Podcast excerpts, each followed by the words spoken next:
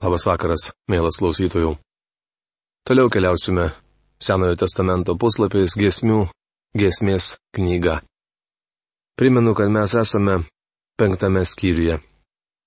Temos dalis, nuo kurios pradėsime šios laidos apžvalgą, yra mylimojo grožis. Prieš pradėdami, kaip pratę, pasimelskime.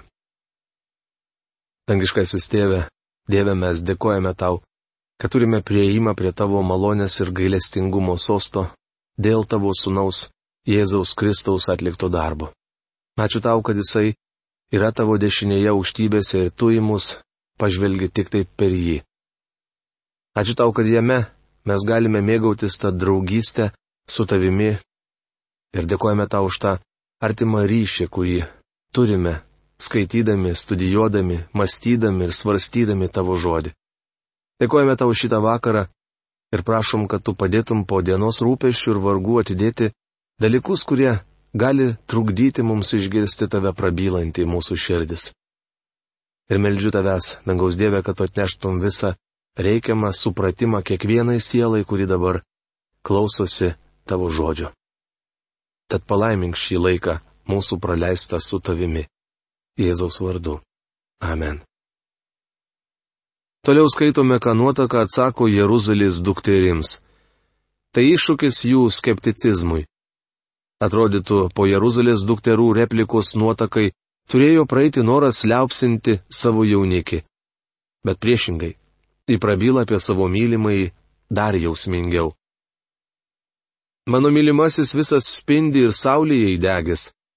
Jis išsiskiria iš dešimties tūkstančių, Jo galva grino aukso, plaukai garbanoti, juodi kaip varnas. Jo akis kaip prie tekančio vandens balandžiai, besipliuškenantys pursluose, tupintys ant šaltinio krašto. Jos kruostai tarsi kvepalų lysvis, skleidžiančios kvapus. Jo lūpos kaip lelyjos, iš kurių srūva mira. Jo rankos kaip aukso lasdos, nusakstytos brangakmeniais. Jo liemuo, tarsi iš dramblio kaulo, išdabintos afyrais. Jo kojos alebastros tulpai pastatyti ant stovų iš grino aukso. Jis toks didingas kaip Libanas ir dailus tarsi jo kedras. Jo žodžiai saldybė ir visas jis malonumas. O Jeruzalės dukterys - toks mano mylimasis, toks mano numylėtinis. Gesmių gesmės knygos penktos skyrius 10-16 eilutės. Akivaizdu, kad nuotaka savo jaunikį apibūdina labai detaliai. Žinote, ką tai reiškia? Ogi tai, kad ji labai gerai pažinojo. Jėdu buvo labai artimi. Bičiuliai, jei norite ginti viešpati Jėzų Kristų, jei norite liūdyti pasauliui, turite jį pažinti. Tai reiškia ne tik žinoti, kas jis, bet pažinti savo viešpati pakankamai gerai, kad turėtumėte ką apie jį pasakyti. Nesakau, kad privalote būti iškalbingas, bet turite degti meilę ir uolumu jam, Mums su jumis reikia ne tik pažinti Kristų, bet ir mylėti jį. Toks iššūkis lypi šiuose eilutėse. Nuotaka pažinojo mylimąjį, pažinojo ir mylėjo. Jis sakė, kad jos mylimasis išsiskiria iš dešimties tūkstančių. Daugelis žmonių yra rašę apie Kristų, nes jis visapusiškai gražus, net ir savo žmogiškumu. Daktaras Skofildas parašęs pirmasias pastabas Skofildo Biblijai su nuorodomis yra brošiūros Jėzaus grožis autoris. Norėčiau ją pacituoti. Visų kitų didybė tirpdo menkystė, visų kitų išmintį slopina kvailybė, visų kitų gerumą teršia netobulumas. Jėzus Kristus yra vienintelis asmuo, apie kurį be pataikūniško meilikavimo galima pasakyti, jis visapusiškai gražus. Taigi, kalbėsiu apie Kristaus grožį. Man atrodo, jog visų pirma Kristus gražus savo tobulų žmogiškumu. Supraskite mane teisingai. Turiu omenyje ne tai, kad jis buvo tobulas žmogus, bet kad jis buvo tobulai žmogiškas. Jėzus visko panašus į mus. Skirtumas tik tas, kad mes nuodėmingi, o jis ne. Mes turime nedorą prigimtį, o jis jos neturėjo. Jis augo metais ir malonė. Jėzus triūsė, verkė, meldėsi ir mylėjo. Buvo visai gundomas, bet nenusidėjo. Draugė su Tomu pripažįstame jį viešpačiu ir Dievu. gerbėme jį ir dieviname, tačiau brangieji, niekas kitas neužmesga su mumis tokio artimo ryšio, niekas kitas taip gerai nepažįsta mūsų žmogiškos širdies. Jis yra vienintelis, kurio mes nesidrovime. Jis taip paprastai ir natūraliai įsijungia į šio laikinį gyvenimą, tarsi būtų augęs toje pačioje gatvėje kaip ir mes. Jėzus Kristus anaip tol nesenamadiškas, jo žmogiškumas tobulas ir nesuklastotas. Morta jam priekaištauja.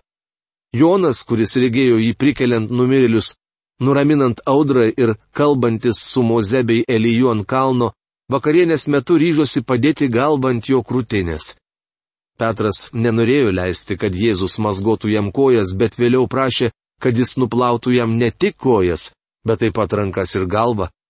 Čia mokiniai užduoda Jėzui kvailus klausimus, čia priekaištauja jam, čia pagerbė, čia pagarbina, o jis vadina juos vardais, ragina nebijoti ir tikina juos mylys. Taip atsiskleidžia mūsų viešpaties grožis. Kristus visapusiškai gražus. Tačiau svarbiausia, ar jums jis visapusiškai gražus. Ar galite kalbėti apie jį su tokiu užsidegimu, koks jaučiamas nuotakos žodžiuose, kai kalba apie savo jaunikį? Kad galėtume liudyti Kristų, turime jį artimai pažinti. Be to turime jį mylėti. Ateimas pas Kristų nėra verslo sandėris. Manau, mes per mažai jį giriame, šloviname, aukštiname ir garbiname. Per retai nusilenkiame jam išreikšdami savo padėką. Jėzus Kristus nuostabus visais atžvilgiais. Vėl noriu pacituoti Jums ištrauką iš daktaro Skofildo apibraižos. Šiltas bei žmogiškas Jėzaus šventumas patrauklus ir įkvepiantis. Jis anaip tol nėra griežtas ir neprieinamas kaip statula. Jo šventumo grožis greičiau primena rožės žiedą ar žibuoklių lauką. Jėzus priima nusidėjėlius, kad ir kokie jie būtų. Jis priėmė ir dorą, religingą nusidėjėlį Nikodemą ir baisę nusidėjėlę Mariją Magdaleną, iš kurios buvo išvaręs septynis demonus. Mūsų viešpats ateina į nuodėmingą gyvenimą kaip šviesus, skaidrus šaltinis, trykštantis į stovinčio vandens telkinį. Šaltinis nebijo susiteršti. Jo gyvybės jėga apvalo stovintį vandenį. Čia dar sėki noriu pakartoti, kad jo užuojauta neapsakomai nuostabi. Jėzus visuomet pasigailėdavo kenčiančių. Minios beganytojo, silvartaujančios našlės iš Naino, mirusios sinagogos vyresniojo dukrelis, demonų kamuojamo vyro iš Gadarus, alkanos penkių tūkstančių žmonių minios. Mūsų viešpaties piktis, nukreiptas prieš rašto aiškintojus bei fariziejus, rodo jau užuojautą tiems, kurie kentėjo nuo jų nepakeliamo egoistinio teisumo. Ar matote, kad Jėzus būtų ieškojęs tariamų vertų neturtingųjų? Jis visus gydė. Kokia nuostabi užuojauta. Kodėl Jėzus palėtė vargšą raupsuotąjį? Jų galėjo išgydyti jį vos ištarę žodį, kaip išgydė didiko sūnų. Nelaimingas raupsuotasis gyveno kaip visuomenės atmata, atskirtas nuo giminių ir pažįstamų. Jis jau nebežinojo, ką reiškia būti žmogumi. Visi aplinkiniai juo bjaurėdavosi. Tačiau Jėzaus prisilietimas raupsuotą jį padarė žmogumi. Viena krikščionė, dirbdama Londone su raupsuotos moralės žmonėmis, tuščiame šaltame kambaryje rado vargšę gatvės mergaitę. Jis sunkiai sirgo. Moteris patarnavo jai, pakeitė patalinę, parūpino vaistų, sotaus maisto, užkūrė žydinį ir pasirūpino, kad varganas kambarėlis atrodytų kuo šviesesnis ir jaukesnis. Tuomet tarė, ar galiu su tavimi pasimelsti? Ne, atsakė mergaitė. Aš tau nerūpiu. Darai tai tik tam, kad patektum į dangų. Bėgo dienos. Krikščionė moteris nepailsdama rodė mergaitę į gerumą, o nuodėminga mergaitė buvo jai širkšti ir nemaloni. Galiausiai krikščionė tarė. Brangioji, tu jau beveik sveika, todėl aš daugiau čia nebeteisiu. Tai paskutinis mano apsilankimas, tad noriu paprašyti vieno - leisk man tave pabučiuoti tyros lūpos, iš kurių sklido tik maldos ir šventi žodžiai palėtė keiksmais ir nešventomis glamonėmis suterštas lūpas ir tuomet bičiuli mergaitės širdis sudužo. Toks Kristaus metodas. Skaitydamas šią daktaro Skofildo apibraižą mintimis grįžtu prie vienos iš pirmųjų Saliamono giesmės eilučių. Tebučiuoja jis mane savo lūpomis, juk tavo meilė malonesnė negu vynas, rašoma giesmių giesmės knygos pirmos kiriaus antroje eilutėje. Šiandien viešpats Jėzus nori išlėti mums savo meilę, prisirišimą, rūpestį, malonę ir gailestingumą, o mes kieta širdžiai kaip toji nuodėminga mergaitė. Vėl cituoju daktarą Skofildą. Ar matėte jį surengiant fariziejų suvažiavimą pasitarti, kokiais metodais galima geriau pasiekti žmonių mases? Čia turiu pridurti, kad Jėzaus nuolankumas taip pat buvo visapusiškai gražus. Jis vienintelis galėjo pasirinkti, kur ir kaip gimti, tačiau atėjo į šį pasaulį kaip vienas iš žmonių masės. Koks romumas ir nuolankumas. Jis sakė, aš tarp jūsų esu kaip tas, kuris patarnauja, jis įmamas goti mokiniams kojas, šmeižiamas jis neatsikirtinėjo, kaip eriukas, kuris tyli kerpamas, jis netvėrė savo lūpų. Ar kur nors matėte, kad Jėzus gintų savo teisės? Labiausiai Kristaus grožis atsiskleidžia jam bendraujant su nusidėjėliais. Jis romus, bet ištikimas, taktiškas ir pagarbus. Nikodemas buvo atviras ir nuoširdus, tačiau didžiavosi tuo, kad yra Izraelio didžiūnas. Nedrasiai baimindamasis netekti užimamos padėties jis atėjo pas Jėzų nakčia. Prieš išsiskirdamas su mokytoju šis vyras suprato, nieko nežinas apie pirmąjį žingsnį karalystės link ir grįžo namo apsvarstyti, kaip jo gyvenimui tinka žodžiai. Žmonės labiau mylėjo tamsą nei šviesą, nes jų darbai buvo pikti.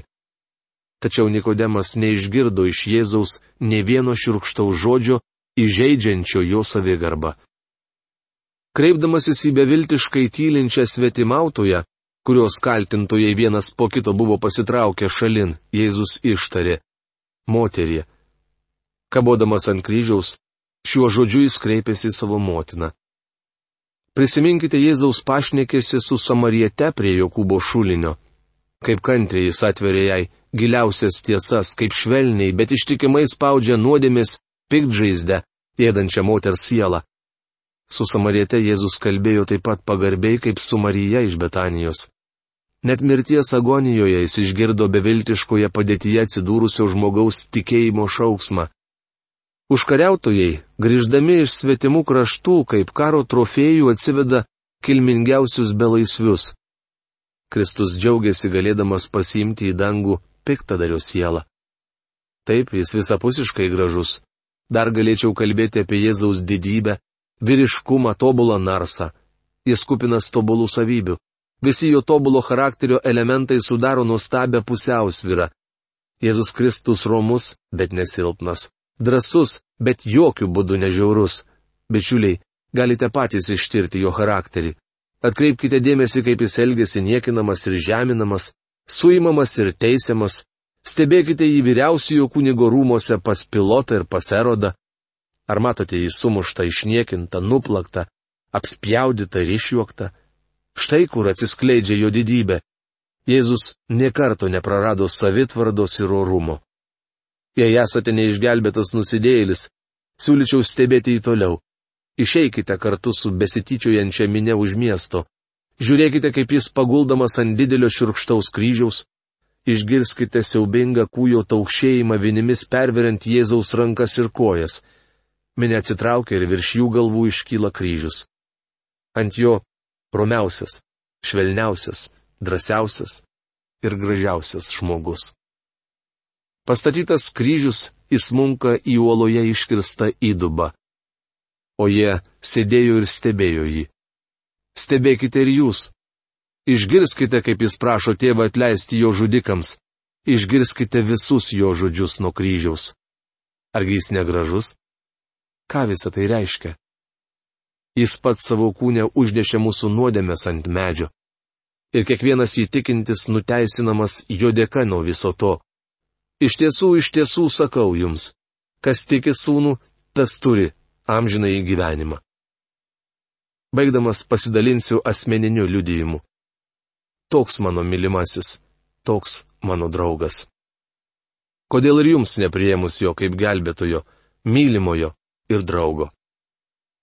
Čia citata baigėsi. Norėčiau prie šių žodžių pridurti Amen. Tai reiškia, kad sutinku su viskuo, kas čia pasakyta. Mano mylimasis išsiskiria iš dešimties tūkstančių. Jis visapusiškai nuostabus. Ar tas, kuris prieš du tūkstančius metų pasirodė pasaulio horizonte, buvo tik Juozapo ir Marijos sunus? Ar ant Golgotos kalno nusidėjėlių atpirkimui buvo pralietas tik žmogaus kraujas? Vargu ar bent vienas mąstantis žmogus galėtų susilaikyti nesušūkęs mano viešpats ir mano Dievas. Toks mano mylimasis, toks mano draugas, Jeruzalės dukteris verčia profesorius Algirdas Jurienas 16 eilutę. Nuotaka pažinojo jaunikį ir nori su juo supažindinti mus. Gesmių gesmės šeštas skyrius. Skepticizmą keičia tikėjimas. Kur nuėjo tavo mylimasis, o gražiausiai iš moterų, Kuriuo keliu pasuko tavo mylimasis, kad galėtume jo ieškoti kartu su tavimi? Gesmių gesmės knygos šeštos kiriaus pirmą eilutę. Jeruzalės dukteris jau nebe tokios skeptiškos bei ciniškos ir net pasirengusios padėti nuotakai surasti jaunikį. Jos nori pamatyti tą, apie kurį joms pasakojo nuotaka, nes suprato, kad jis iš tiesų nuostabus. Taigi dabar Jeruzalės dukteris nori pačios jį pamatyti. Biblijoje rašoma, kad kiekvienas, kas ieško, randa. Viešpats Jėzus yra sakęs, jog atėjusio pas jį neatstums. Mano mylimasis nusileido į savo sodą, prie kvapiųjų augalų lysvių, ganyti kaiminės soduose ir pasiskinti lelyjų. Aš mano mylimojo, o mano mylimasis mano, jis ganosi tarp lelyjų, giesmių giesmės knygos šeštos kiriaus antra trečia eilutės. Nuotaka rado jaunikį. Ja apėmė ramybė, pasitenkinimas ir džiaugsmas. Dievas patenkintas Jėzumi.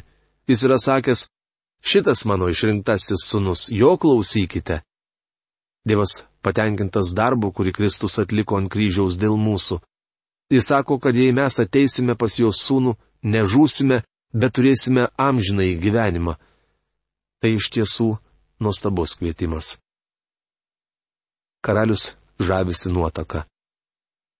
Mano meilė, tu graži kaip tirca, daili kaip Jeruzalė, pagarbę baimę kelianti kaip pulkas su vėliavomis. Nugręžk savo akis nuo manęs, nes jos mane sugniuždo. Tavo garbanos plasta tarsi kaiminė oškų, besileidžiančių žemyn gileado šlaitais. Tavo dantys kaip kaiminė avių, lipančių iš maudyklos. Kiekviena jų turi po dvynę, ne vienos nėra vienišos. Tavo skruostai kaip dvi granato pusės, slepiamo šydo.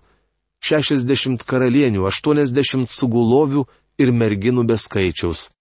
Tik viena ji, mano balandė, mano tobuloji, tik viena ji, motinos numylėtinė, džiaugsmas tos, kurį ją pagimdė. Merginos matė ją ir gyrė, ir karalienės ir sugulovės kėlė ją į padangęs. Gesmių gesmės knygos šeštos kiriaus ketvirta devinta eilutės.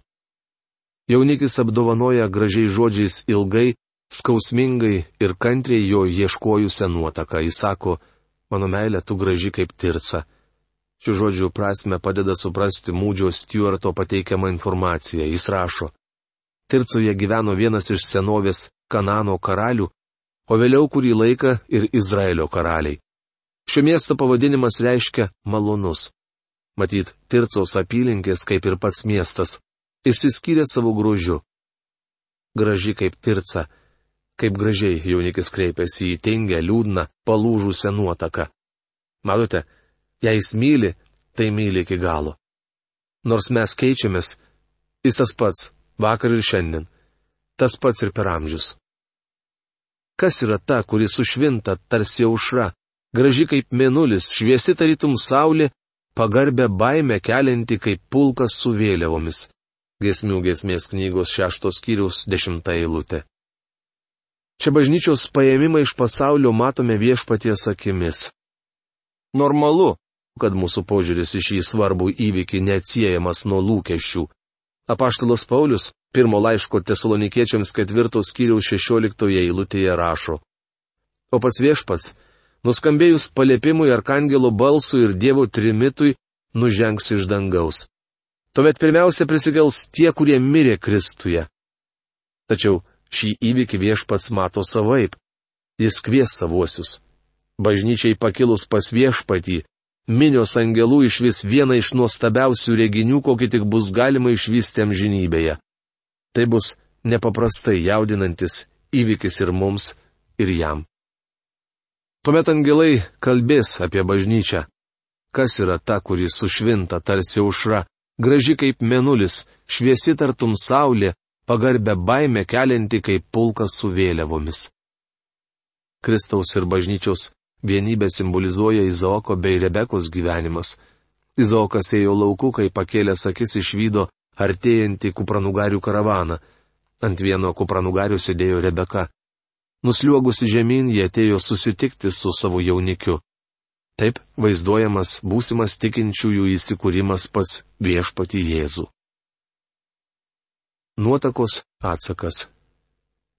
Nusileidau į riešutmedžių giraitę slėnio žiedų pamatyti, pažiūrėti ar vynmedžiai jau išsprogę, ar granatmedžiai jau pražydę, ten savo meilę tau dovanosiu. Mandragora jau kvepia, geriausi vaisiai prie mūsų durų, tau juos išsaugojau, mano mylimasis, šviežius ir džiovintus. Gesmių gesmės knygos 6 skyriaus 11-12 eilutės.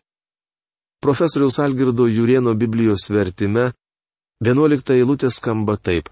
Ir riešutų sodą nulipau pasižiūrėti palmių atžalų, pamatyti ar vynmedis proksta, ar granatmedžiai žydi.